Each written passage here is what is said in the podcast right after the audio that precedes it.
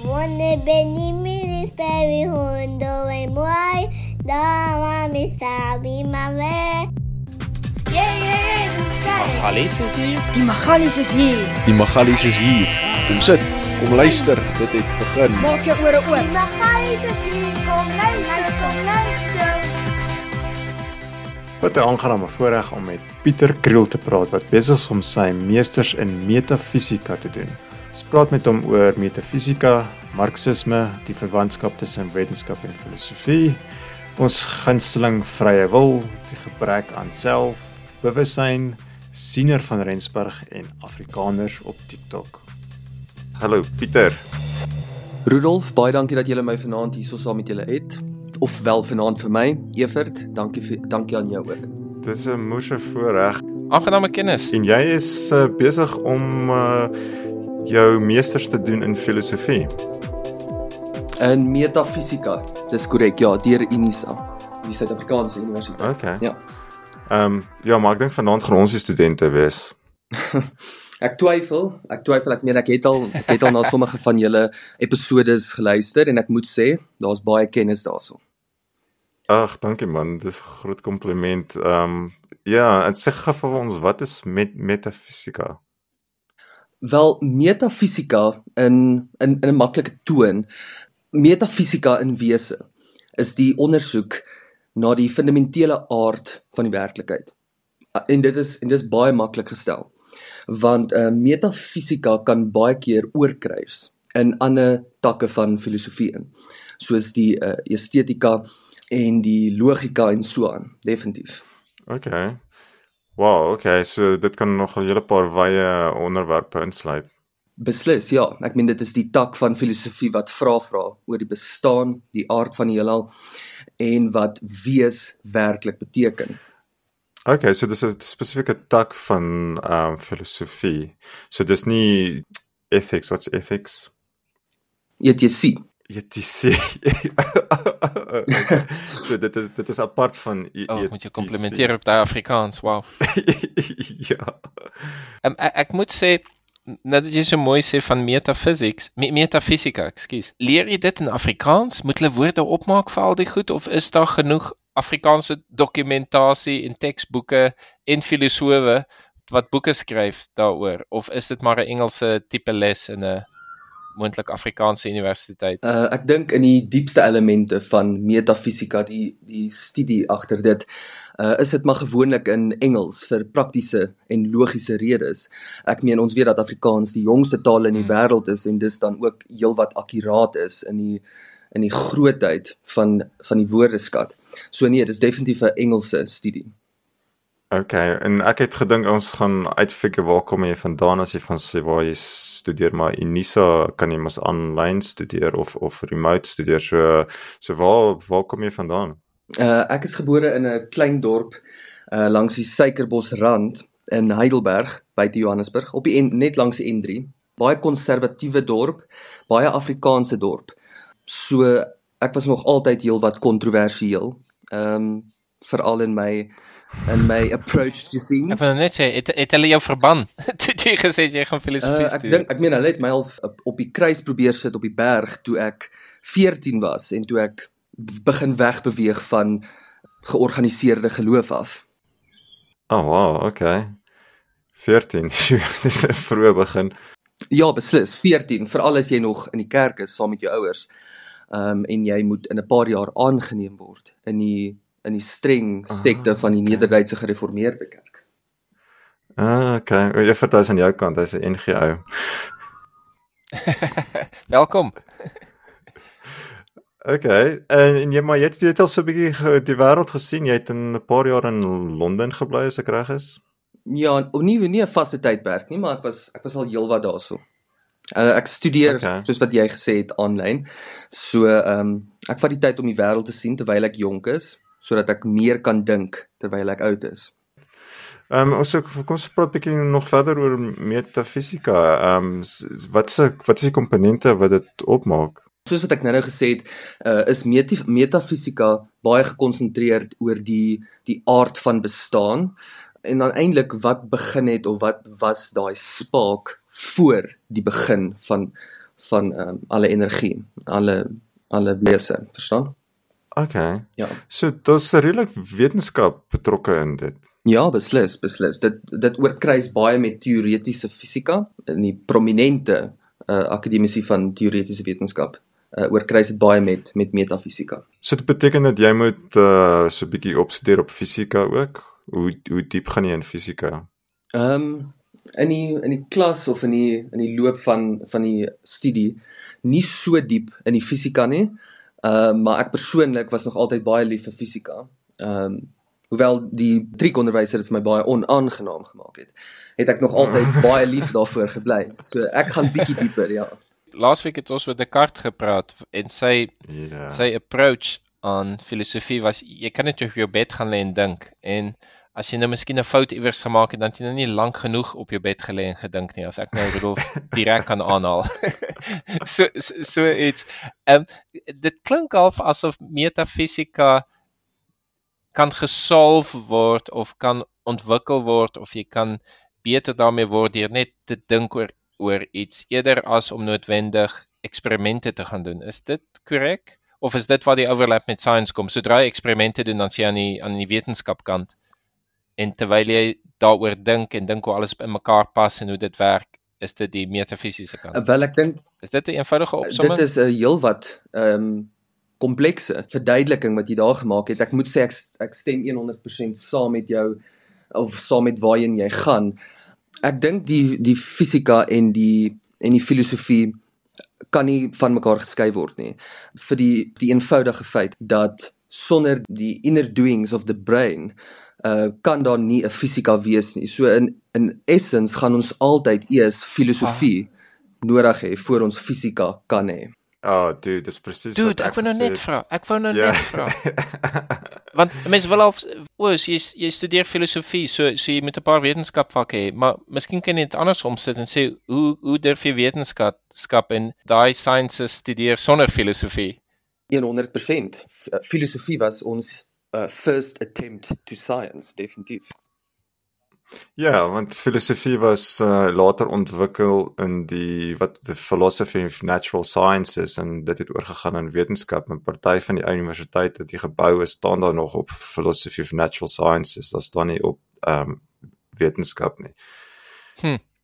Okay, en wat kan ons kan ons 'n 'n voorbeeld gebruik om te, te sê om te illustreer wat die ver- 'n 'n verwantskap tussen filosofie en uh, wetenskap. Ehm um, ek weet nie jy het gepraat oor oor tyd op 'n stadium. Ek het so ek en jy wat ek net so 'n bietjie vertel vir die Magalies. Ek en jy het mekaar op TikTok ontmoet en ons het so 'n bietjie uh, idees uitgerol en een van die idees waaroor jy dink is oor die idees idees oor tyd.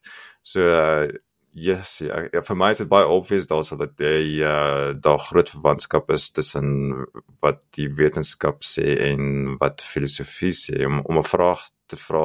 Die vraag wat jy vir my gevra het wat ek glad nie antwoord vir gehad het nie is bestaan daar regtig iets soos tyd? Toe jy met daai vraag gevra het, ek het dadelik gevoel, okay, ek moet net so 'n bietjie gaan oplees oor wat die uh ouens so Sean Carroll sê oor tyd, want ek het regtig gevoel ja, mens kan nie help om die in die fisika in te gaan voordat jy eers begin dink oor daai vraag nie. Ehm um, so ja, ja, ek dink ek nou self my eie vrae geantwoord, maar ja, wat dink jy daarvan? Die die is mens kyk na tyd, die wisselwerking tussen ehm um, filosofie en wetenskap. Ehm um, ek dink ek gaan begin deur te sê dat die terminologie is belangrik ouens. Tyd soos ons dit verstaan okay. is 'n illusie. Ek wil wel vir jou vra Rudolf uh om net vir my te te verduidelik of te simpliseer wat jy sê met die ooreenkoms tussen tyd of ekskuus 'n uh, 'n uh, uh, wetenskap en en filosofie.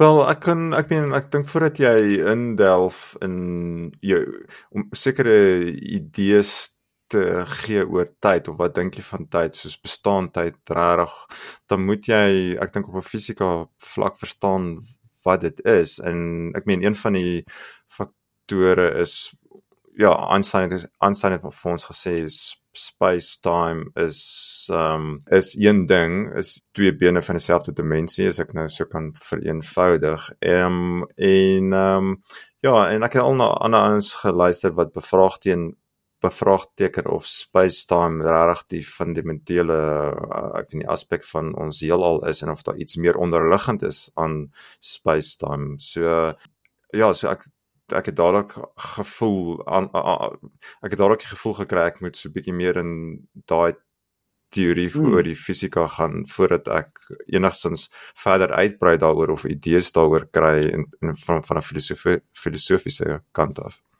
Ja, 100%. Kyk, ehm um, tyd soos ons dit ken en soos wat ons dit verstaan is beslis 'n komplekse konsep. Maar ek dink die beste tyd om tyd te begin verstaan of te probeer verstaan is om dadelik daaraan te begin dink om dit te probeer uitwerk. Selfs al het jy nie die die begin elemente uh om dit eers te verstaan nie, is om dit net te to contemplate it is to know of, of its mhm. existence, right? So ek dink is baie belangrik om antwoorde te soek nog voor jy eintlik weet waar om te begin. Okay, so dink jy mens voordat jy te diep in die fisika ingaan, moet jy eers ek weet nie, soos die kaart op jou bed lê en dink daaroor? Uh, ek dink dit gaan makliker wees om in die fisika te begin en dan oor te beweeg na die filosofie toe. Uh okay. Okay, ja, dit was my dit was my instink geweest om dit so te doen. Maar dis dis dis moeilik ou. Yes. Ek wil vra as jy sê tyd is 'n illusie, bedoel jy die passing of time? Ek weet nie wat dit in Afrikaans is nie, die verloop van tyd of tyd self? Praat ons hier van 'n brain in the vat tipe tyd, bestaan tyd of sê ons miskien die idee dat een snippet van die universe volg tot 'n ander snippet van die universe en hulle is in 'n sekere orde en dit is wat tyd is. Wat het julle se illusie? Uh, ons persepsie van die beweging van tyd is die illusie. Ons weet dat daar 'n 'n ah, okay. forsiewe is wat die stoot van materie uitbeweeg, maar ons persepsie daarvan is beslis die illusie. Okay, soos met kan mens kan byvoorbeeld die stelling maak dat daar is net 'n nou, daar's nie 'n toekoms nie, daar's nie 'n verlede nie, daar's net 'n nou. Is dit is dit iets in daai lyn? 100% ja. Ehm um, in my opinie is die is die aard van tyd self, die konsep daarvan is 'n illusie. Daar is slegs die hier en die nou en ehm uh, baie uh, baie aspekte van die metafisika het dit al bewys. Maar as jy, jy kyk na die eksperimente wat hulle doen met mense se breine en hoe lank voordat jy uiteindelik die kak wat jy praat uit jou mond uitkry, hoe lank het jou brein en jou onderbewussyn daarna herkou en so, dan is dit moeilik om te sê dis net die nou wat bestaan. Want die journey om te kom tot waar jy is net vir enige gedagte ewe, net 'n gedagte is so lank. Dan praat ons nog nie eers van die universe om jou hier te kry en lewe te maak en al die ander goed wat humans sal weer 'n naam voorgee nie, maar surely vir tyd moet ons ons kan 'n naam gee daarvoor. Vir tyd en ruimte. As jy tyd question, ek wil nou weer terug na Rudolf toe. Surely moet ons dan ruimte ook question, maar dan is ons maar net weer terug by die human in 'n vat en om 'n experience te hê. Uh, ek moet sê Ewert, ehm um, jy gaan dadelik terug na die building block fallacy toe. Jy sê die woord ek of I voor elke sin. Jy jy integreer persoonlike filosofie met die aard van realiteit van die realiteit. Die ding is, daar is nie 'n in in 'n in essence 'n iets soos 'n ek of 'n self nie en om dit aan die begin te sit van 'n 'n bou 'n 'n building block van filosofie is in my opinie baie hoërskool, verstaan? Ek gaan nie sê dit het seer gemaak nie. Tog is die vraag nie hoekom ervaar ek tyd nie. Tog is die vraag hoekom ah. hoekom kan ek tyd aanvaar? Wow. Okay, so jy moet super objektief daarop na probeer kyk as jy die vraag vra. In 'n in 'n subjektiewe manier moet jy beslis objektief daarna kyk. Ek het gedog ons gaan nie af op ons is een of ander alien receptor wat alles kan bymekaar pleis Maar nee, jy jy sê nee, vergeet van ons. Ja, 100%. Die idee van 'n ons is natuurlik meer ehm um, meer 'n illusie as wat tyd is. Maar bedoel jy dit op 'n Sam so, Harris tipe manier so so Sam Harris te verduidelik van okay, jy is maar net jy is jou brein wat die lewe experience. Daar's nie 'n sentrale mannetjie in die middel van jou ore en agter jou neus nie. Bedoel jy dit in daai sin dat daar nie self is nie of bedoel jy dit nog in 'n dieper sens is dit? Ek meen ek sal 'n bietjie argumenteer met Sam Harris. Ek dink hy vat spiritualiteit tot 'n profound level om eerlik te wees. Ek dink hy is 'n uh, bietjie te spiritualisties in in sy approach to things. Ek het um, my eie teorie waarna ek na ehm um, die self kyk. Ek noem dit die orchestrated objectivity theory. Ehm um, waarin ek sê dat die self ehm um, 'n versameling van dinge is, uh, insluitend pre uh, pre-events en natuurlik die uh construction of the brain. Okay, dit is nie te ver af van ek dink wat Sam Harris sê nie, dat dit is dit is 'n konstruksie van die brein, dis 'n konstruksie om sin te maak in die lewe. Dis uh, dit is jou brein se manier om alles uh, alle experiences te integreer, um en dan deel van daai integrasie is om 'n model van jouself, 'n model van die wêreld te hê. Dit is voel vir my soortgelyk as as dit Absolutely. Yeah, but I do think that Sam uh like I said, in his approach to things, um, he would like there to be something after death, waar ek nou weer glo dat uh, the the seizing of the brain, uh, the brain's uh, neural um, activity, wanneer dit vergaan, um, so vergaan jou ego dan ook, soos soos 'n bekende wetenskaplike eendag gesê het. Ek dink ek dink dis nog steeds meer of meer wat Sam Harris ook sê. Ek dink Sam Harris sal met jou stryd wanneer. Uh, but I think he hints at an idea of something after death. And say meditaties, what I call, which I've completed, it, it seems like he's hinting at the idea of of a universal consciousness. In my in my opinion. Okay, ek moet sê ek het dit nie opgetel nie, maar okay, miskien is dit daar iets subtiels daarso wat ek nog nie raak geloop het nie. Okay, alright. So as 'n mens geen self het nie, dan ja, my en Evert een van ons gunsteling uh, onderwerpe dan is daar seker ook geen free will nie. Waar staan jy met dit? nee, nee, natuurlik nie. Die idee dat jy bewus is van jou besluitmaking is is 'n illusie. Ehm um, neurowetenskap het al bewys dat die die konsep van 'n besluit al gemaak word in jou prefrontal hmm. cortex nog voordat jy bewus is van daai besluit of daai idee. Jy praat van die Libbets eksperimente, reg? Ja, korrek. Ja, ja, so ons het uh vir Dawie van der Heever op die podcast gehad en die episode getitel 42. Hy het 'n boek geskryf vir die toe en maar Dawie het self die Libbets eksperimente her, herhaal. Ehm um, so die resultate wat hulle gekry het was nie altyd so eenvoudig om te interpreteer as jy na die hele groep van mense kyk nie, maar daar was 'n paar mense gewees wat hulle na 'n ruk kon hulle die mense se besluite voor die tyd al uitgewerk het. Soos 2 sekondes voordat die ou uh links of regs kies of wat ook al kon hulle geraai het wat die persoon gaan kies. So dit is nogal amazing hoe hulle jou subconscious kan lees maar ek weet nie dit op 'n manier vir my moet dit ons nie verbaas wees daaroor nie. Ons weet ons het subconscious idees en dat ons consciousness is maar net 'n lig wat skyn op die subconscious wat vir jou sê hey, hier seker goeders wat jy moet waarneem nou en die beste manier om dit waarneem te maak is om dit te laat opborrel na die conscious die ja. consciousness dit word nie regtig vir ons verbasend te wees dat baie van ons idees subconsciously ontwikkel en die consciousness is maar net 'n lig wat daarop skyn nie. Ja, dan bring ons nou weer vir Sam Harris in die idee van 'n self, soos wat Sam Harris dit sou beskryf as 'n illusie. Ehm um, dit is 'n konsep wat ons skep om ons ervarings en gedagtes te probeer orden in 'n pattern in. Ehm um, want ons dink ons is ons is we are animals of pattern, maar eintlik is daar geen uh, pattern aan enige van die dinge wat ons doen nie. Dit is totaal en al unbiologic. Die idee van 'n pattern. Ek wil vra van as jy diself dan deny, ek weet nie wat die woord is in Afrikaans nie. As jy diself deny, ontken. Wat is wat vervang dit? Die groep? Okay. As jy dit ontken, ja. Ons dink aan onsself as 'n enkele entiteit wat deur die lewe beweeg, maar in die werklikheid is ons 'n versameling van gedagtes, gevoelens en ervarings wat voortdurend verander. Mm. Ons is nie 'n enkele nie, maar ons is 'n ons is 'n proses in in in simple mm. terms. Ja, ja, ek dink dit is handig om te dink aan lewe in die mens meer in terme van 'n proses as 'n essence. Ja, nee, 100%. Ek dit gedog en dit is nou weer die angle wat vir my slightly meer interessant is of of of waantoe ek sou gaan omdat ek geïnteresseerd is daarin.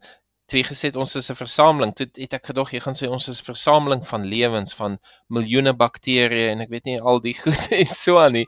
Maar dit is interessant om daai selfe sin nie in 'n biologiese Hmm. manier te hoor nie, maar in 'n filosofiese ehm um, van 'n filosofiese oogpunt af. Ons is 'n versameling van idees en wat was die ander? Gedagtes, gevoelens, so aan. Ja. Nee, ons ons Ja, het nie 'n enkele onveranderlike self nie, weet, maar 'n stroom van bewussyn wat voortdurend vorm nie. en jy weet herformeer of herformeer word deur ons ervarings. Dit klink baie boeddhisties wat jy nou net gesê het. Ek is natuurlik in in essence is ek 'n boeddhis. Ek glo nie in die konsep van vrede Okay. en en die meditasie daarvan. Maar ek sit geen spiritualiteit of of geloofsidees agter dit nie nee. Okay. Okay, ehm um, so wat van kausaliteit? Ek meen die die proses wat uh, die illusie van 'n self of die idee van 'n self dryf. Dink jy nie alles kom terug neer op kausaliteit nie dat kausaliteit een van die mees uh, kragtige forces is van die heelal wat basies alles dryf en op as ek die woord vorm kan gebruik wat, wat alles vorm soos wat dit is. Uh uh die verhouding van van causality en die self is ingewikkeld. Ja. Ehm um, causality is die idee dat jy weet elke gebeurtenis 'n oorsaak het. Ehm um, maar ek dink Ja. weer eens sit dit die I of die ek voor die vraag. Tog moet die vraag nie wees hoekom gebeur iets nie, die vraag moet wees hoe weet ons dat iets gebeur? Want daar's 'n groot koneksie tussen free will en causality. Want wat, wat een wat ek gesê het is causality is een van die sterkste forces of die hoof force wat die Ah. lewe wat wat wat ons as mens half um laat ontstaan of die proses van menswees um genereer as ek Mhm. daai woord kan gebruik. So so, so maar jy sê nee, dit gaan nie noodwendig dis nie net kausaliteit nie, maar dit gaan oor ons persepsie van kausaliteit. Okay, kom ek stel dit so. Ehm um, as die die self 'n illusie is, wat beteken dit dan vir vir causality? Ehm um, in simple terms, dit beteken dat ons nie ons gedagtes, gevoelens of as of of aksies as gevolg van 'n vaste self ehm um, kry nie. In plaas daarvan is hulle die resultaat uh of 'n complex interaction van faktore buite ons beheer. Ja. En ek dink Sam Harris het dit weer eens, hy dit hy dit so gesê. Dit is 'n Ja. 'n nederige en bevryende insig wat ons kan help om ons self en ons heelal te kan verstaan. Maar ek dink uh, so Ja. op die einde van die dag is ons persepsie van die konsep van causality belangrik. Want uh, in die realiteit, Rudolf, is causality 'n konstruksie of is dit objective truth? Causality is 'n konstruksie. Hoekom sê jy dit? Jy dink jy nie dit is nie? Dink jy nie maar in in in essence is alles waarop ons uh, neerdink maar net 'n konstruksie nie, 'n probeer om te Ja. verstaan wat die werklikheid van die van die van die realiteit waarin ons lewe is nie. Ja, ja, ek ek ek, ek dit dit is nou 'n terminologie game. So alles is maar net terminologie wat ons opmaak om die wêreld te probeer verstaan. Ehm um, maar ek meen op 'n half op 'n fisika vlak op die einde van die dag as ek nou baie vereenvoudiging kan gebruik is ons maar net atome wat rond bounce Mhm. en uh die die rond bouncing waarvan ek praat word deur causality gedryf. Okay. Nee, ek stem ek sta, daarmee stem ek saam. 100%, okay. maar ek dink ons persepsie Okay. daarvan is baie belangrik. Subjektief althans. Ja, ja, okay. So wat ek probeer sê is as ons persepsie subjektief is, hoe weet ons dat die Mhm. konstruksie van van causality objektief is? Kan 'n mens nie sê dat dit redelik akkuraat predikt nie en dis nou maar hoe jy weet hoe goed 'n uh, teorie is. Solank as wat dit die regte output gee, Ek stem saam met julle 100%. Ehm um, om filosofies te argumenteer, bring ek daai daai aspek van randomness en en ehm um, speculation in. Maar ek stem 100% saam met julle oor die idee van kausaliteit. Ja, okay, ek dink ons praat net so bietjie anders dit al. Maar maar sover klink dit vir my as ons dieself deny en ons wonder oor kausaliteit, dan voel dit vir my is elkeen se experience dan net bodycam footage. Jy is nou maar net die bodycam in die brein wat hier op 'n biologiese massa is en everything is on the rails. Jy maak net eintlik besluit en ons het dit nou al uitgevind. Ek stem redelik daaroor saam oor free will en so aan en jy deny diself so jy's nie noodwendig die een nie maar ons jy het tog daai experience van okay ek gaan deur emotions van van 'n fantasie van 'n hoe, hoe dit moontlik kon gewees het as daar nou humans op aarde was wat self kon dink. Wat, wat hoe sal ek sê wat maak 'n mens met die konklusie daarvan? Wat is jou doel vir die lewe as jy so oogpunt sien? Hoekom is jy dan hier? Wat doen jy daarmee? Of is dit dis die uiteindelike vraag is is, is dit die meestersgraad van metafisies Ek dink ja, ek dink in die in die begin van die vraag is dit baie subjektief, maar ek dink 'n Griekse filosoof het het eens gesê, "A society grows great when old men plant trees, the shade they know they shall never sit in." Mm. So, ehm um, ek dink dit is 'n baie subjektiewe uitkyk of 'n uh, gevolgtrekking. Ehm um, maar op die einde van die dag maak ons uh, met ons lewens wat ons goed dink en ek dink is dis 'n subjektiewe ervaring. So vir my persoonlik is is die die idee dat ek die aarde op 'n beter manier los as wat ek hom gekry het, meer as genoeg. Ek kan ek net iets sê. Ek is besig my gate uit te geniet hierso met hierdie gesprek. Wel, dit is baie baie fun. Dit is baie ja, sure. Ek geniet dit vreeslik. Ehm um, wat dink jy van Sean Carroll se idees van uh, levels of description dat okay, mens kan sê okay, goed, tafel en stoel is nou nie fundamenteel nie, mense is nie fundamenteel nie, dis alles atome en van atome kan jy nou terug gaan na basiese elemente.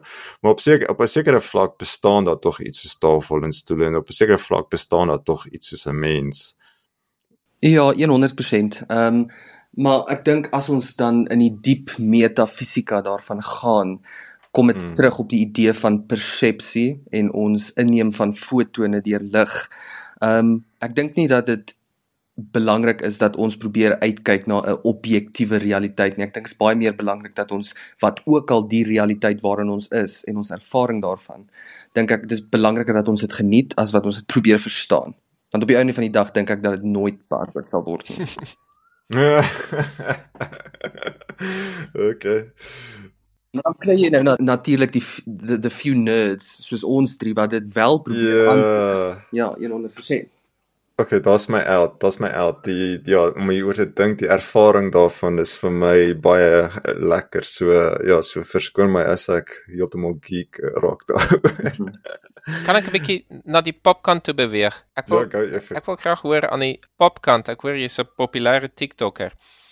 Dink jy dit is counter establishment of counter Afrikaanse kultuur of hoekom lei dit 'n klokkie by party mense? Ek ek neem aan al jou volgelinge is nie nerds nie. Of miskien is hulle. Mis, miskien is hulle moer moer moer. Wat wat ek jy is die boodskap wat mense trigger as hulle uninitiated is met filosofie? Wat wat wat is die Well, I do think that 99% of of my following comes from people who disagree with me. Um dit oh, is wow. ja, dit is mense wat wat wil stry. Uh dit is mense wat net dit moet uitkry om vir my te bewys dat die God waarin hulle glo die werklike een is en die een waarin ek nie glo nie. Um 'n stupid idea is. Dis dis basies wat hulle wil uitkry. En um ek moet sê 99% van my my volgelinge is mense wat met my uh disagree. Wel, dit is op 'n manier 'n groot kompliment. Ek die feit dat mense jou volg met hulle met jou wil stry, dit is ek weet nie, dit dit is dis 'n groot kompliment. Ja, 100%. Ehm um, ek dink in in in die realiteit is dit belangrik dat ons oor hierdie idees gesels al ehm um, is sommige mense in hulle benadering van van kritiek bietjie harsh soos soos wat my ervaring met die Afrikaanse gemeenskap is. Ehm um, mm. maar ja, ek dink solank ons praat oor hierdie dinge, al al disagree ons op die einde van die dag, is die idee dat ons probeer belangrik. Dit voel vir my 'n bietjie soos party verhoudings waar jy voel moet ons regtig daaroor praat? Elke keer as een van die twee daaroor wil praat, nou moet ons nou eers hieroor weer praat. Dink jy daar's 'n kans dat sekere mense 'n uh, eksistensiële krisis kan hê as gevolg hiervan en dat miskien beter is dat hulle dan nie met jou swaarde kruis nie? Ek dink vir die uh... die fundamentalists is dit baie belangrik dat hulle juis met my in kontak kom. Um, kom ons kyk na die na die na die Amish as 'n as 'n as 'n voorbeeld. Dis 'n gemeenskap wat so afgesonder is van die wêreld dat hulle basies geen idee het van wat ons noem objektiewe realiteit nie. Hulle is nog meer um prehistories as wat ons is in 'n sens. So ek dink is juist belangrik dat hierdie fundamental groups uitkom en die wêreld sien en met mense praat sodat ons hierdie indoctrination of centuries kan begin afbreek. Okay, so ek kry 'n bietjie idee dat jy voel jy met mense reg help. Dat dat daar I practice western philosophy I dictate it as well. So ons weet dat die westerse filosofie nog altyd hou van die van die terminologie dictate uh waar die oosterse filosofie nog altyd meer die ek en die inner beoefen het. Maar soos wat ek sê, I practice western philosophy I dictate it as well. Okay. Maar ek dink dit tog dis belangrik om ek weet nie om dit bietjie sagter te stel. Ek dink dit is belangrik om hierdie konsepte deel van die gesprek te maak. Ek dink ons uh ja, dit is dis nou een van die motiverings wat agter die podcast sit. As 'n mens eers uit die land uit is en jy staan terug en jy jy kyk hoe jy kyk na die kultuur en besef jy sjoe dat is daar's 'n groot mate van isolasie en ek wil nou nie sleg praat van my Afrikaner kultuur nie maar ek dink daar's definitief ehm um, nodig om so 'n bietjie vlerke te sprei in die wêreld van ander oogpunt af te te sien. So ek dink dis belangrik op 'n dag gaan dit is belangrik oor gesprekke om gesprekke te hê en om gesprekke te verander om 'n bietjie ander idees in te bring. Ek het vir Evert gesê toe ons um, toe ons nou die begin van ons René Descartes episode gedoen het, het gesê ja, as jy nou by 'n braai is en sekerlik wil jy bietjie oor René Descartes se idees praat. so so uh, sal jy uh, hierdie tipe topics partyke so bietjie by 'n braai opbring Pieter. Ehm um, ek is geneig om dit te doen, Rudolf. Uh, okay. Die mense is geneig om nie daarvan te hou nie. Ja, um, ja. 100% ja. kyk ek is ek is die Christopher Hitchens of the sense. Kyk ek, ek dit is die die doel die doel daarvan is nie om dit mooi te stel nie. Die doel daarvan is om dit uit te kry want dit is belangrik dat mense van die 21ste eeu wakker word en die regte realiteit aanvaar. Ja.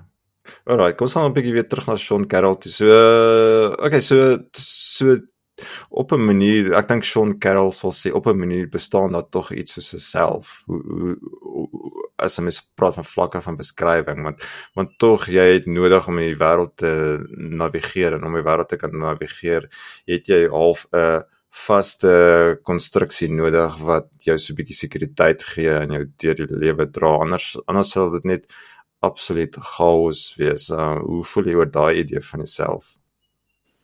Ehm um, kyk Rudolf, soos wat ek voorheen gesê het in my persoonlike uitkyk op op ons lewe, glo ek glad nie in enige idee van 'n self nie.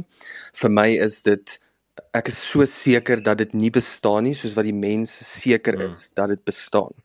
So ek ek probeer vir my om daaroor daaroor te praat want ek sal nie my brein wil besmet met die idees van van oningeligte mense nie, maar ek weet julle twee natuurlik is baie ingelig en ek weet julle julle deel die idees of Rudolf vel deel die idees, maar ek dink dat dit uh, 'n objektiewe doel moet wees vir ons om uit te gaan in die wêreld en eerstens hierdie idee van 'n self en dan die vrye wil gesprek ook te demonstreer en te diskwalifiseer as 'n teorie ons het nog sies ons nog nie baie gepraat oor die idee van free will nie. So ek meen vir mense voel dit baie natuurlik, voel dit baie natuurlik dat hulle een of ander vrye wil het en die ag wel die manier hoe ek nog altyd daarna gekyk het, dis dis dis alles maar net causality. Dis alles maar net gevolge en effekte en jy as ek nou daai taal kan gebruik is Pieter my verskoon vir 'n oomblik.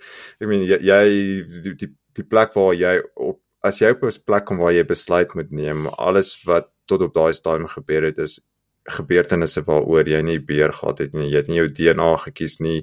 Jy het nie jou ouers gekies nie. Jy het nie omstandighede gekies nie. Jy het nie die sosiale omgewing waarin jy sit gesit het wat jou ehm um, jou nurture kan van die nature versus nurture beïnvloed dit nie.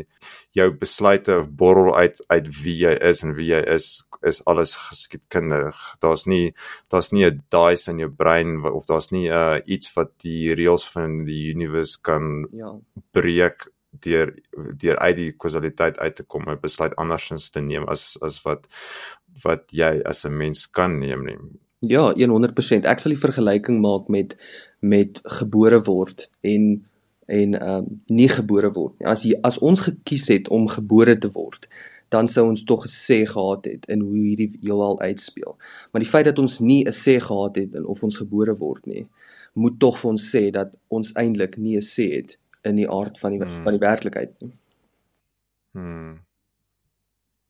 Maar wat van die idee dat jy, okay, jy kan dis 'n idee van Lisa Feldman Barrett, sy's 'n uh, um neuroscientist. So ons het Lisa Feldman Barrett se boek ook bespreek 7.5 Lessons of the Brain en uh, sy sê dat um wel jy kan nie jy het nie free will in die oomblik nie. Jy kan nie jy kan jy het nie gekies wie jy is nie. So die besluit wat jy neem in die oomblik is nie is nie vry nie, maar jy kan tog kies wie jou toekomstige self is deur ander besluite te neem wat jou identiteit en so verander. So jy kan jou toekomstige self verander en op ja. daai manier vir jouself free will gee. Wat dink jy daarvan? Ja, al, ek meen al voel dit asof ons vrye wil het, is ons keuses eintlik die resultaat van 'n reeks onbewuste prosesse.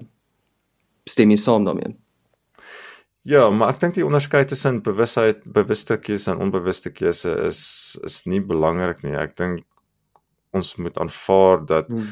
ons keuses van 'n plek van onbewussyn vandaan kom, maar dit is nog steeds jy as ek daai woord kan gebruik, dis nog steeds jy wat daai besluit neem. Maak nie saak of dit of dit van 'n bewuste of 'n onbewuste plek kom nie soos byvoorbeeld met die Libbets eksperimente. Die Libbets eksperimente bewys net dat jy eers raak eers bewus van jou besluit nadat jy die besluit geneem het, maar nog steeds is dit jy wat die besluit neem.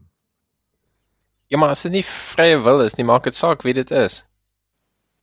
M maar is is is, is dit iets, Ewert? Is die ek 'n eintlike iets? Okay, so jy bring dit terug oor na die idee van die die self is 'n illusion. Okay. Ja, 100%. Okay. Wel verseker as jy van jouself ontslaag geraak het, dan is free will nie 'n far leap nie. Net omdat ons die self as 'n illusie verklaar het, beteken dit nie dat ons gedrag onvoorspelbaar of willekeurig is nie. Ehm um, maar eerder dat dit 'n reeks oorsake en gevolge bepaal. Ehm um, ons bring dit dan weer terug op die idee van dis 'n reeks ervarings eerder as 'n ek wat dinge ervaar. Met vrye wil is dit vir my vreemd as jy moontlik vir iemand kan sê ek kan dit imagine. Ek het nou nog nooit by 'n braai met iemand daaroor gefight nie.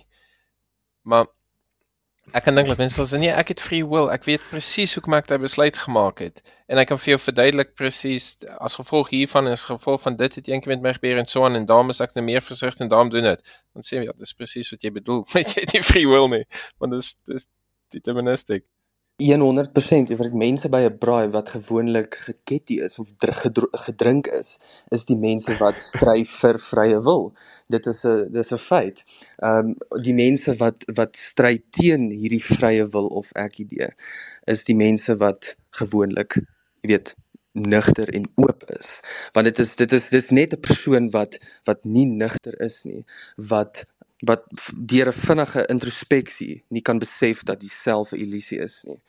Ehm um, Miskien is dit nodig om onderskeid te tref en ek dink dit is dis 'n idee waarmee mense soms oor hierdie onderwerp baie sukkel is om onderskeid te tref tussen 'n wat is 'n besluit en wat is free will. Mis net omdat jy nie free will het nie beteken dit nie jy neem nie besluite nie. Dit is ek, ek dink mense raak te mekaar met om daai twee dinge van mekaar te onderskei. Mm. Ja, 100%. Ehm um, kyk, kom ons kom ons vat die vergelyking met huiswerk doen en nie huiswerk doen nie as 'n tiener.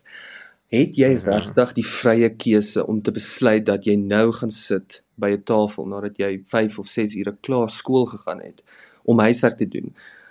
In the subconscious your mind has already made up that I am not going to do homework now. Ja, ek stem saam en uh, ja, met al die faktore wat in plek was om my besluit te neem het al klaar homself uitgespeel. Mhm. Mm is die wêreld deterministies of is dit is die wêreld een is die heelal 100% deterministies dink jy? I I tend I I tend to um to lie towards the idea that we do live in a deterministic world. Okay, wat van randomness? Maar dit bring ons terug op die idee van van evolusie dat evolution is is um is random. Evolution is Hmm. not random and so is Ja. the universe and the play at which the universe moves. It's it's non-random. Okay, kom ons verduidelik. Evert, verduidelik vir ons hoekom is evolusie nie random nie? Jy's ons bioloog Hoekom is ekspert. dit nie random nie? Ja. Ek sal raai dis nie random nie omdat dit op klein bietjies improvement bou. Hy kan nie 'n leap maak nie of hulle doen nie gereeld leaps nie. Ek weet net iemand al 'n voorbeeld van 'n leap nie. So random spronge, jy kan miskien 'n klein tweak maak in die direction van wat iets beweeg, maar ek weet daarom nie kan jy sê dis random nie. Mutasies kan random wees. Die outcome is nie noodwendig random nie. Ek weet nie kan jy dit random noem nie. Ja, dit ja, dis presies wat hoe ek ook daaroor dink. Ja, die die outcome is nie random nie. Dit die die proses is nie random. Die proses het sekere ek weet nie No, but of course- lack of Of course as as the finished product of evolution, I think Richard Dawkins verduidelik dit ook so. Omdat dit deur natuurlik natuurlike seleksie gedryf word, is evolusie in die op die einde van die dag non-random. Organ Ja, daar's random prosesse betrokke wat sekere mutasies veroorsaak, maar die proses in sy geheel is nie random nie. Die proses ehm um, gaan in 'n sekere rigting. Die sekere random events word byvoorbeeld heeltemal uitgesluit as as as jy 'n sesde vinger ontwikkel wat geen funksie het nie, dit uh dit gee jy geen voordeel nie, dit gee jy geen fitness nie. So so dit word by enige geëlimineer. So nie enige random ak- enige random mutasie word deur evolusie uh voor oorgedra nie. So dit is die die die, die alhoewel daar randomness be- betrokke is in die proses, is die die overall proses is nie random nie. Is is dit die manier om daaroor te dink? Kyk, ek ek weet nie of jy my wil vra nie, ehm um, Rudolf, ek het biologie gedryf op skool, maar ehm um, ek kyk ek sal sê organismes met wat met eienskappe wat hul oorlewing en voortplanting bevorder, het beslis 'n groter kans om hul gene aan die volgende generasies oor te dra. So oor tyd versprei hierdie voordelinge vo, of uh, voordelige eienskap eienskappe uh deur deur die be, uh, bevolking en dit lei tot evolusie. Maar asseblief moet my nie enigstens verder iets vra oor biologie nie. Ek het dit gedop, ek het nie opgelet nie. Nee, ek het Maar ek het 'n ek het 'n C gekry en Eva het dit nie eens gehad op skool nie. So ons is almal op dieselfde vlakkies.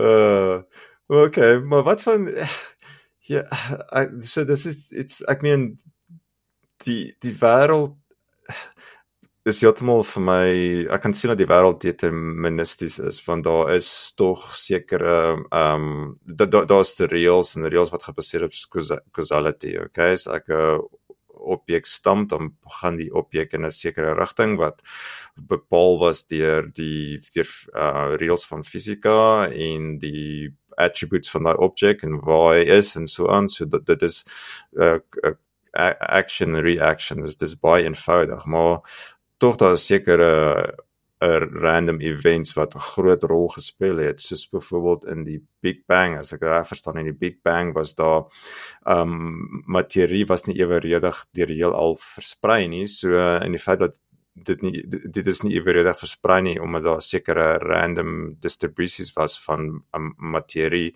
en so dan het jy gekry wat twee stukkies uh, atome aan naby aan mekaar was en so hulle het so 'n bietjie van 'n gravitasie gravitational pull ontwikkel en dan nog 'n uh, atoom aangetrek en op die einde van die dag het dit 'n son gevorm. Maar as alle is eweredig versprei was het ons absoluut niks gesien vandag nie. So so randomness het tog 'n rol gespeel soos wat 'n randomness 'n rol gespeel het in evolusie het dit 'n rol, rol gespeel in kosmologie en ek wonder wat se rol dit vandag nog speel 100%. Ek sal net versigtig wees met die woord rol, want onthou, net omdat iets toevallig is, beteken nie beteken dit nie dat dit 'n patroon of 'n struk struktuur het nie. Sê dit weer? Net omdat iets toevallig is, beteken dit nie dat dit 'n patroon of 'n struktuur het nie. In in objective reality. Maar, maar dit het tog 'n invloed. Dit het 'n dit dit sit Ja, 100%. Dit, dit, so daar kan random events wees wat uh, deur die dryfkrag van causality dinge in 'n ander rigting dryf. So mens kan nie van randomness ontslaa raak nie. Ja, nee, ek stem saam, soos wanneer jy 'n min 'n min okay. stuk in die lug opgooi.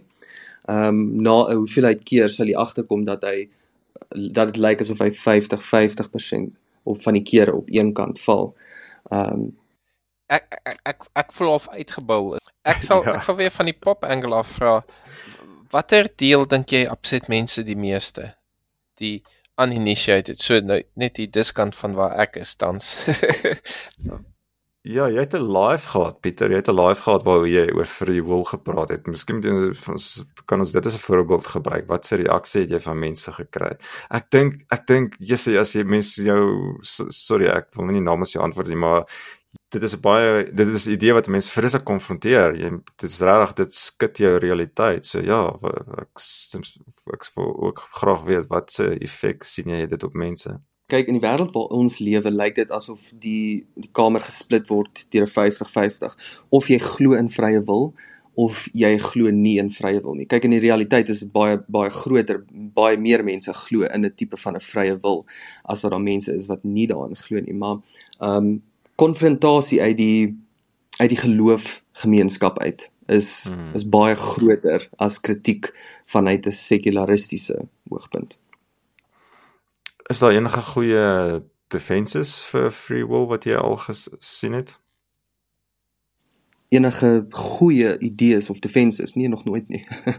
nee, nog nooit nie. Nee, eerlik bedoel, nog nooit nie. uh, okay. Wat nee, van uh, compatibilism? En ek weet so uh, net om mense wat nie na ons vorige episode ons het episode 10 het ons gepraat oor vrye wil en uh, so ek gaan net vinnig herhaal. Compatibilism is uh, ouens soos Daniel Denet wat sê okay goed. Ja ek stem saam.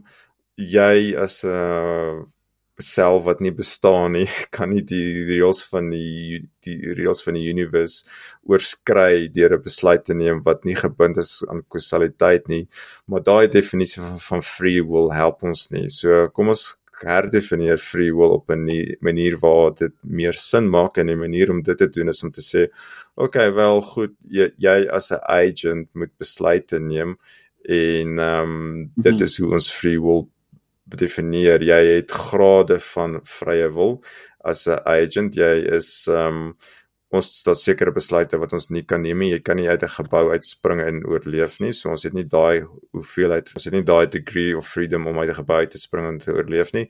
Maar ons het tog ander um vorms van vrye wil. So dis die compatibilist uh, viewpoint oor vrye wil.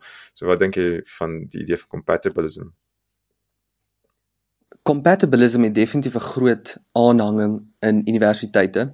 Ehm um, ek meen dit is die siening in die filosofie van die gees wat sê dat die vrye wil en determinisme saam kan bestaan.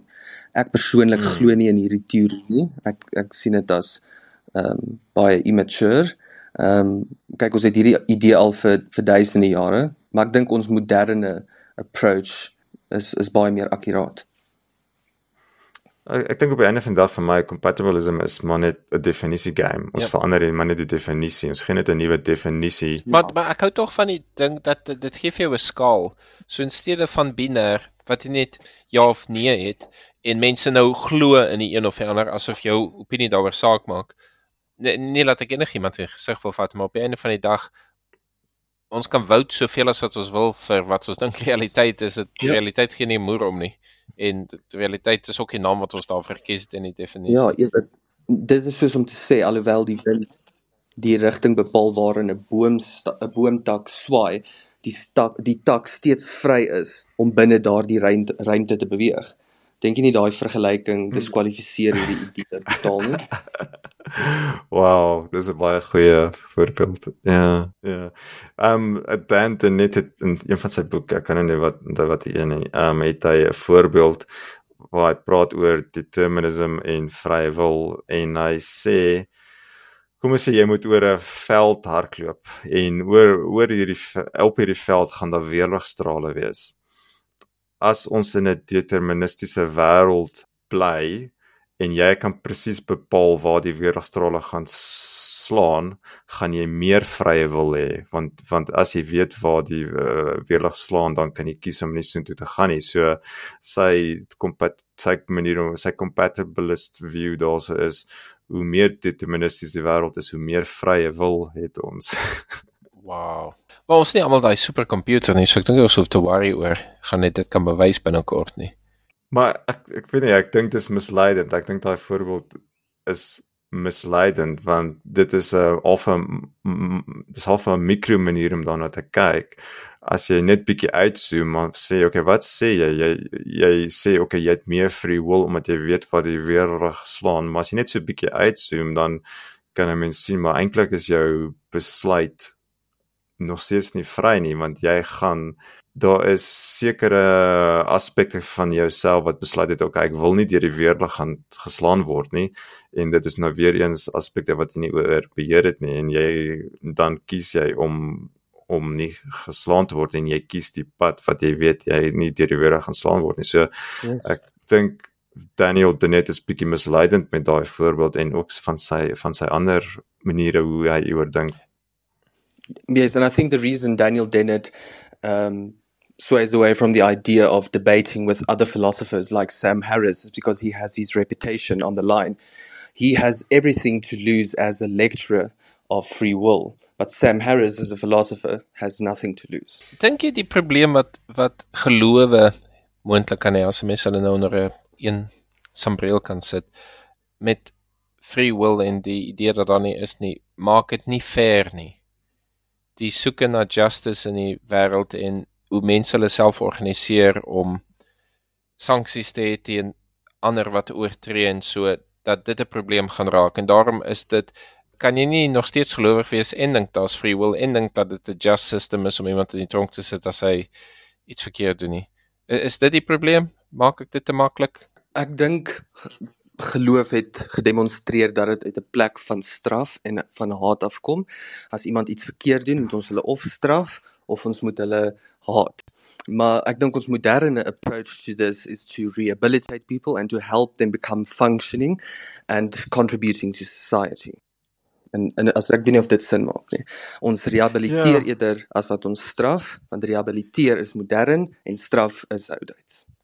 Maar ek Ja, ek dink ek dink mens hoef nie eens mens kan selfs al glo in free will is daar nog steeds 'n goeie manier om die wêreld te benader. Sorry, Evert, gaan jy? Nee, ek wil sê as jy vir my kan ek die twee rekonsilieer met mekaar deur te sê want, want mense kan miskien sê maar okay as jy dan nou nie vrye wil het nie dan kan jy net doen wat jy wil want jy kan mos dis mos nou nie jy dan nie so dan sê mos nou off the hook maar vir my is dit juis daai idee van daar is nie vrye wil nie maar jy leef nog steeds in 'n society wat jou gaan punish vir probleme en ek sal nou nie opsien na die rehabilitasie nie, maar ek sal wel opsien na die strafgedeelte. So dit voel vir my die wete dat daar straf is, is dra net soveel by tot jou besluitneming as die idee of daar vrywillig is of nie.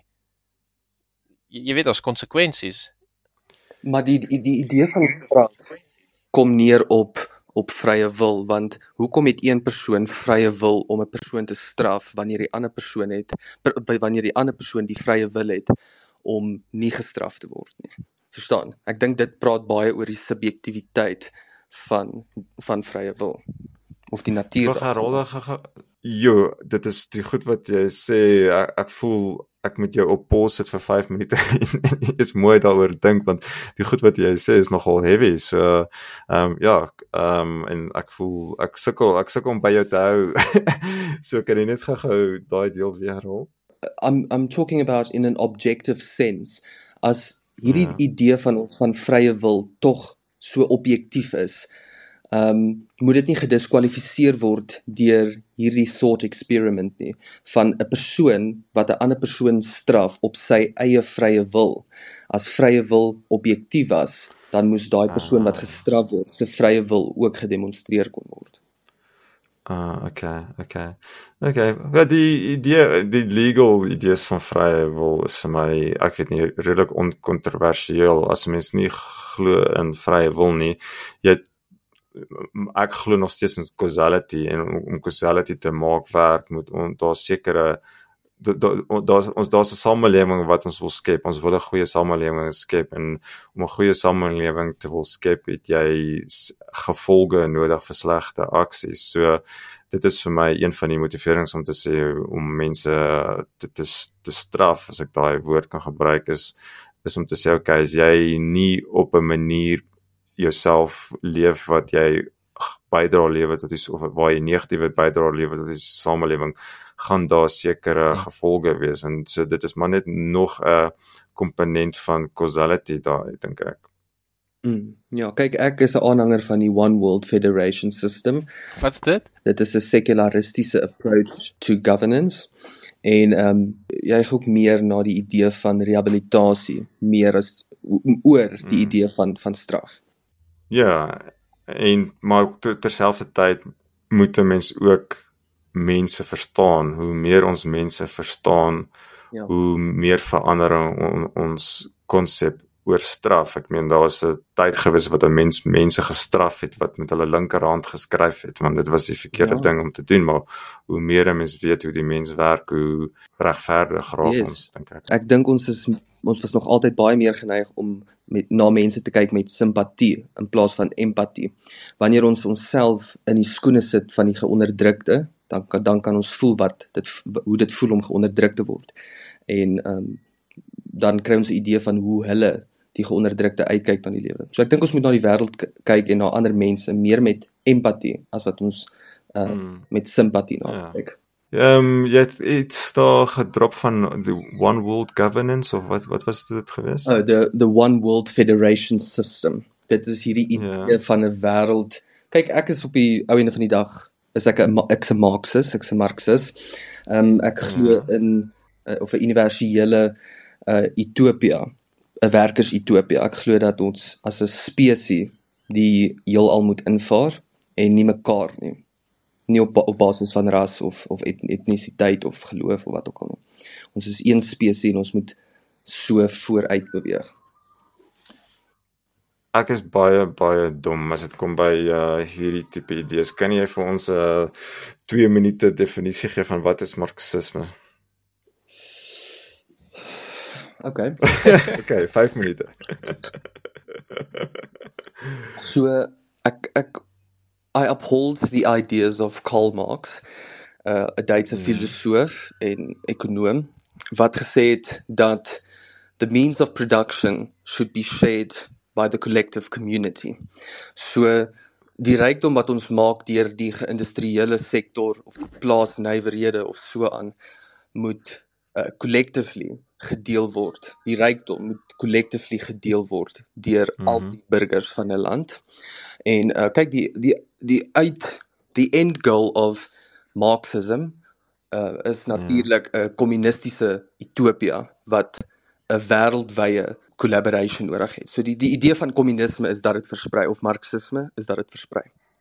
Jy het sekerlik hierdie respons al gehoor. Wat van die probleem van freeloaders en so tipe samelewing? Dit kom weer eens neer op hierdie ding van het ons 'n sê oor wat ons doen. Uh is die is die feit dat ons lui is en nie wil bydra tot die samelewing is dit nie eintlik maar net die gevolgtrekking van my my kinderlewe die die acts of trauma die die development of the brain um wat sê hoekom jy nou is soos wat jy is en ek dink kom weer neer op die idee van 'n vrye wil. Uh, wil ek regtig hier lê op my bed en nie bydra tot die samelewing nie? Um ek dink op die einde van die dag word dit gedetermineer deur pre-events in ons kinderlewe trauma so aan.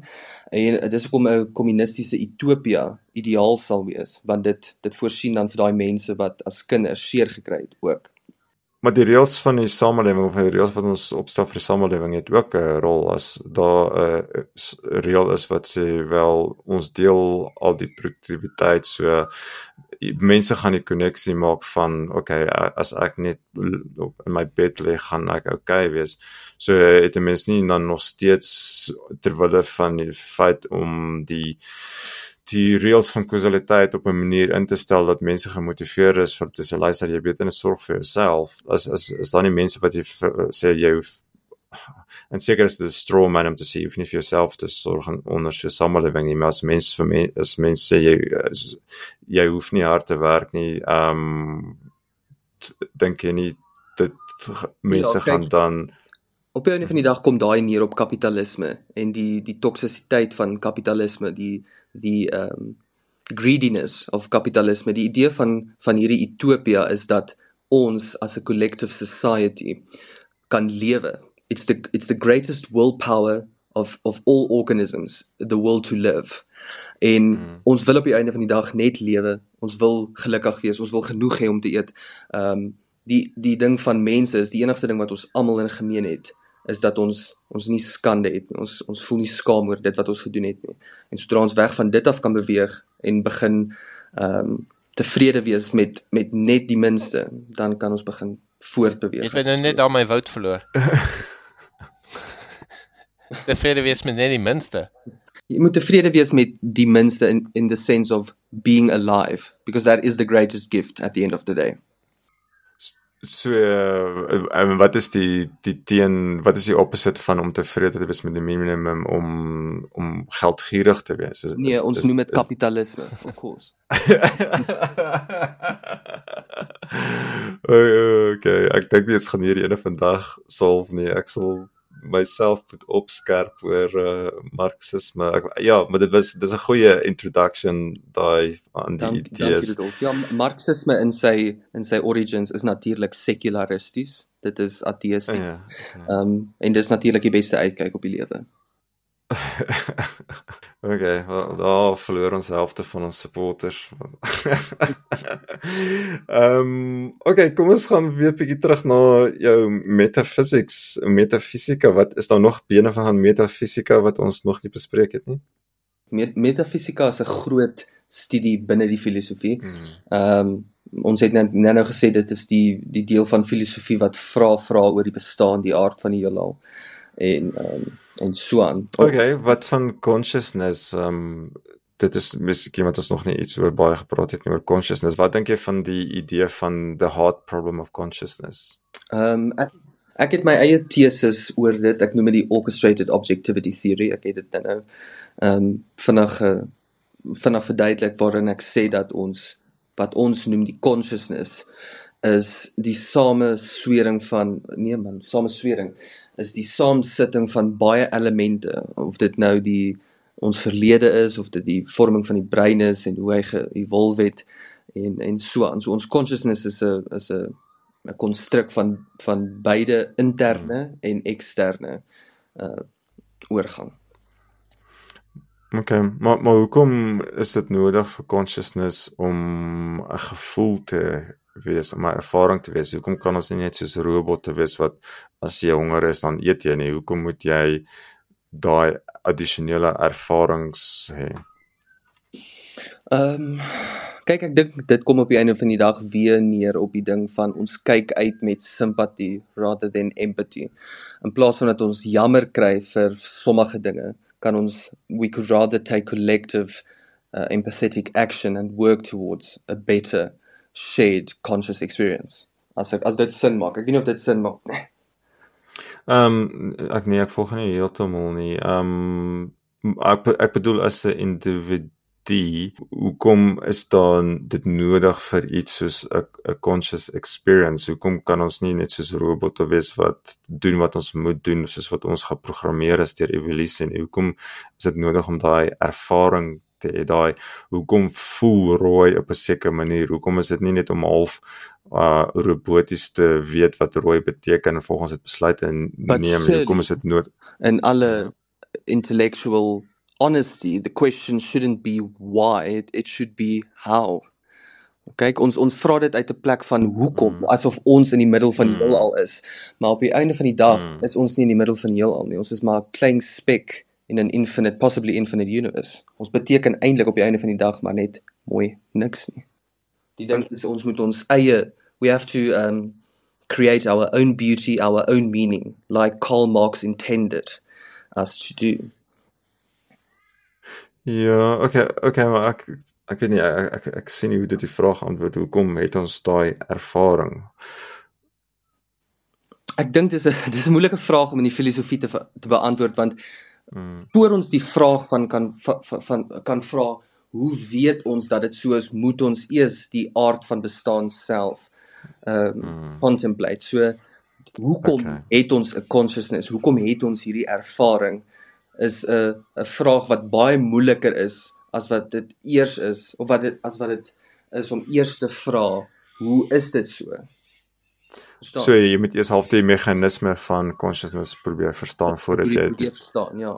Okay. Okay, ja, dit's min of meer wat Anil Seth ook sê. Hy, hy sê in plaas van om die hard problem of consciousness wat hierdie groot vraag is te antwoord, moet ons mens eerder net al al hoe meer en meer aanhou doen om die klein verbeterings te maak om beter consciousness te verstaan Ja. en op die einde van die dag gaan die antwoord homself present en dis half dieselfde manier hoe ons verduidelik het wat is dit om lewendig te wees. Dit is Ja. mense het gedink dit is hierdie groot groot mystery daar's 'n Elon Vital in ons en ons moet soek vir daai Elon Vital en om te soek vir daai life force Elon Vital life force om te soek daarvoor het mense heeltemal op 'n verkeerde rigting ehm um, gesit en dis 'n beter benadering om te begin by wat jy weet en dan dit uh stukkie vir stukkie meer en meer inligting en op die einde van die dag of die vraag raak geraak irrelevant of die die antwoord ehm um, sal ehm um, homself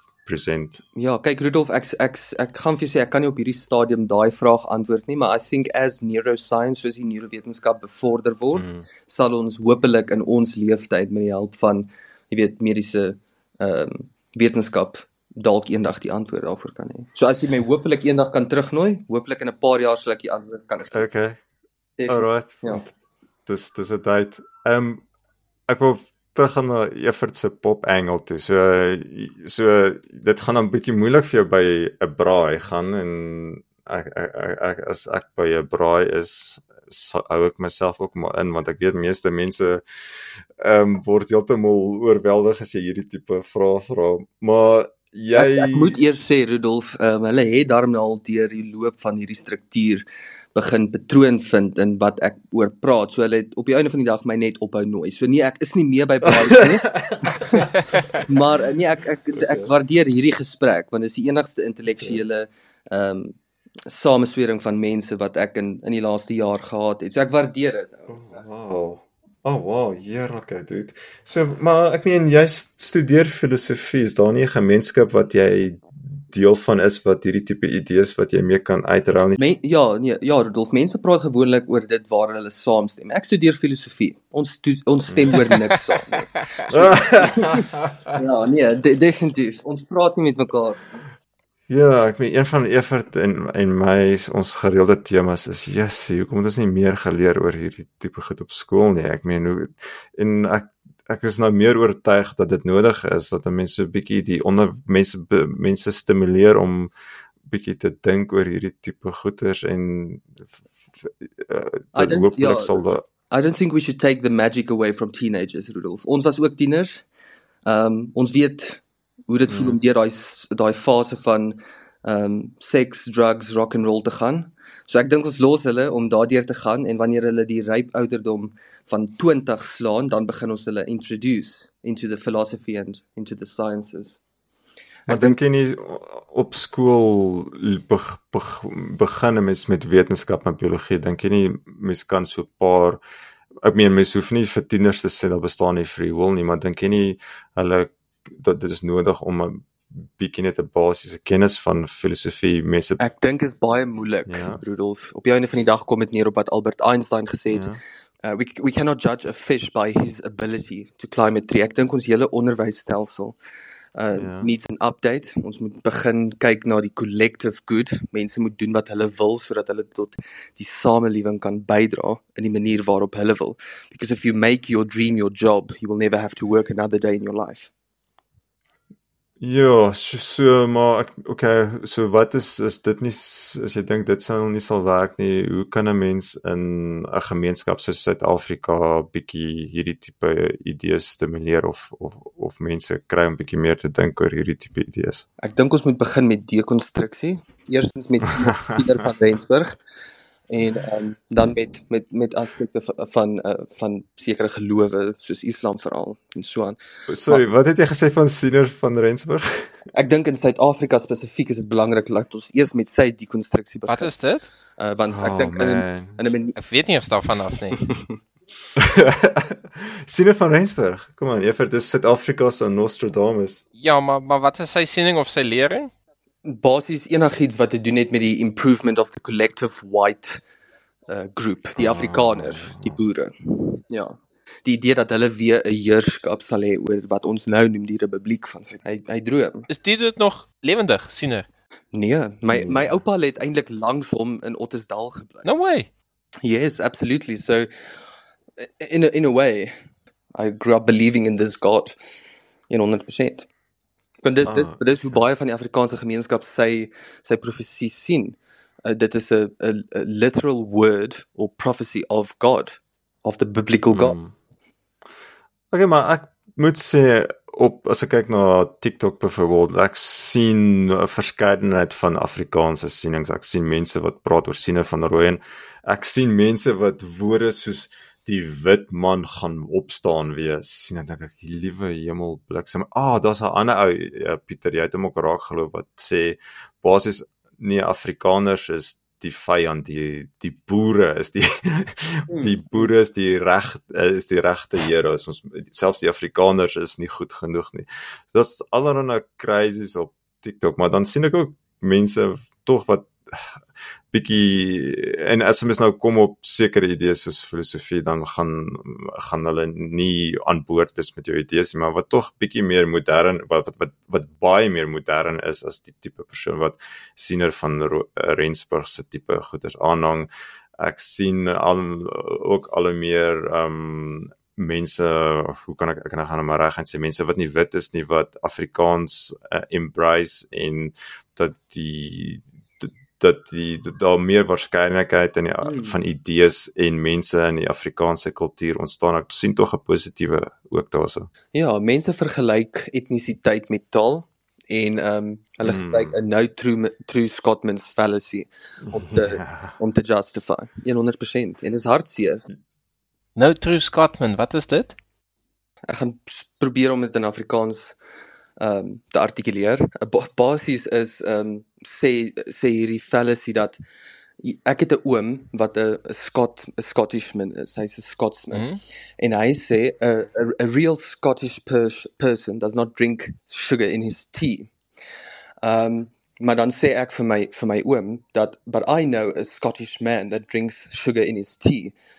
Um and my uncle replies with but then he is not a real Scottish person.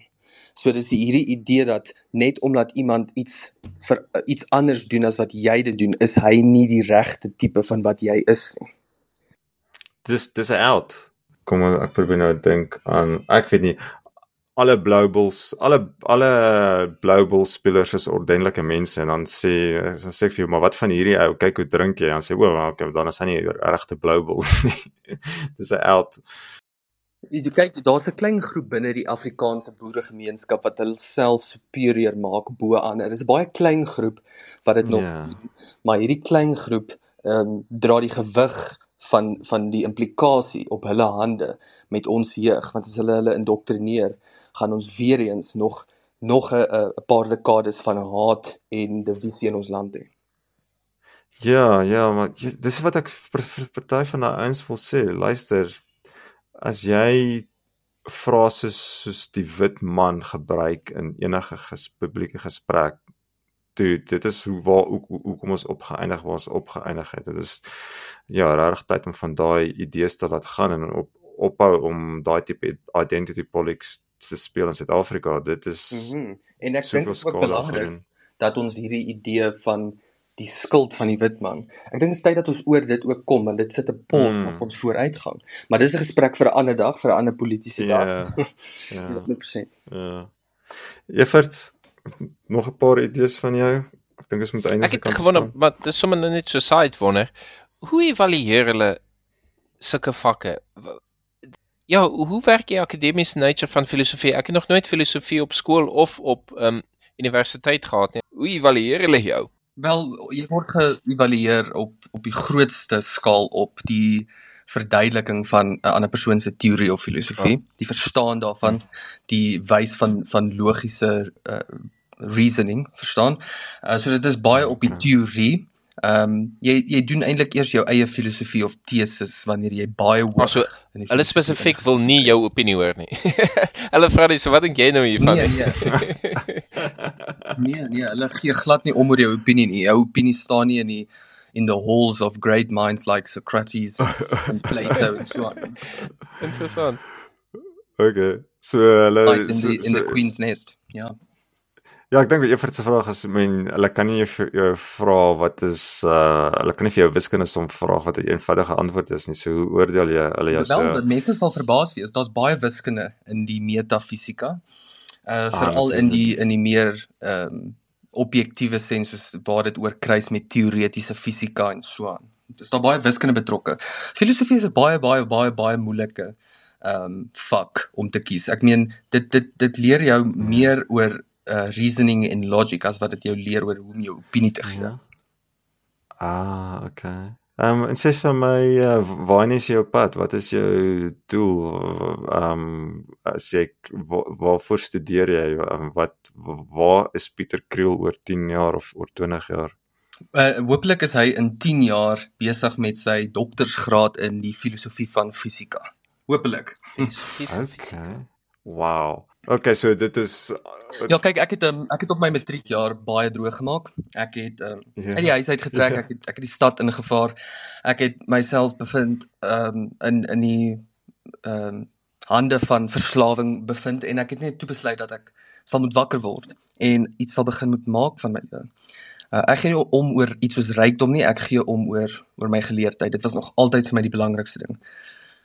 Okay, jy het 'n paar bomme gedrop daarso wat ons nou hier op die einde ongelukkig nie in detail kan ingaan nie, maar ons sal definitief weer met jou praat. Ja, nee. Ehm um, so okay. psychedelics was was was 'n groot uh, insiggewende faktor in in my uitkyk op die lewe. Ja. Oh, wow. Okay, wow. Okay, dis definitief 'n gesprek vir 'n volgende keer. I I knew I had to Um, bring it up now so I would be invited again. Ah. oh, okay. Okay, so maar jy die as ek die antwoord wat jy kan gee net uh, herstel so jy wil in akademie gaan en nog meer leer oor hierdie idees en natuurlik seker ook jou eie idees ontwikkel in in in filosofie. Is yeah, I don't much care about my own ideas. I care about what is Yeah. what is true and what is the truth. I'd like to to know uh, uh, as much about reality Okay. as I possibly could. Okay, so Ja. dis meer nuuskierigheid. Wow, Ja. dit is amazing. Ja. Okay. Pieter, kan ek vra, um, ek neem aan jy's aktief online as jy die TikTok en die goed doen. Is daar sekere bronne wat jy van hou, websites met nuus of iets of resources outside of Wikipedia of so wat jy wat jy gebruik of kan aanbeveel as mense geïnteresseerd is of moet jy maar self soek en skrop in die internet? Dink mense moet wegbly van die van die internet af. Hulle kan eerder op Amazon gaan en boeke en artikels koop. Want die internet is 'n Okay. groot opsomming van baie inligting wat wat baie baie baie uh, klein gemaak is vir jou verstaan. So ek dink dit is baie belangrik om om boeke te lees, om artikels te verstaan en om video's te kyk. 100%. Dit ek meen nie as jy dit kan Okay. doen hoef jy nie eens universiteit toe te gaan nie. So ja, so ek dink vandag ons het 'n klomp onderwerpe bespreek, maar ek dink op einde van dag is hierdie vir mense uh introduction wie is Pieter Kriel en uh, jy is op TikTok as mense met wie jy wil praat en interaksie sê. Ek dink jy is baie keen daarvoor vir veral mense wat dieselfde idees het as wat ons op hierdie podcast bestudeer. So ek weet almal is nie op TikTok nie, maar dis miskien 'n goeie rede om op TikTok te wees om uh, Pieter Kriel uit te check en jy het 'n webwerf ook. Ja, vir referensie. 100%. Jy kan my op enige sosiale media kry. Dit sluit Tinder in. Ehm um, so ja, nee, 100% ou. nee, ek ek grap sommer net daar. Jy kan my op op Quora, op, op Wikipedia, TikTok, YouTube, Instagram, al die bekendes. Ja. Okay, fantasties. Pieter baie dankie. Ek gaan Dit was as ek awesome. weer na die episode luister, gaan ek gaan ek kan obviously kan pause en lees en dan uiteindelik Ja. meer verstaan wat jy gegee het. Baie van dit het oor my kop gegaan, moet ek um admit. Maar um vreeslik interessant om met jou te praat en ja, dankie vir jou tyd. Dankie dat jy met ons gedeel het. Evert, dit was baie lekker om jou ook te ontmoet, Rudolf. Baie dankie soos altyd vir jou insiggewende opinies. Waardeer dit reg. Ag, dankie man. Dit was dit was 'n absolute rollercoaster. Ja, ek stem saam met Evert. Ek gaan na die episode luister en dink, ja, hoekom het ek hom nie dit gevra nie, dit gevra nie, want ja. ek het ges Dit is 'n maraton, maar jy het gesprint hoor. ek het gesukkel om by te hou, maar, maar dit was awesome fun en baie dankie vir jou tyd. Waardeer dit ouens, ja. Vir uh, Magalies uit. Mag alles uit.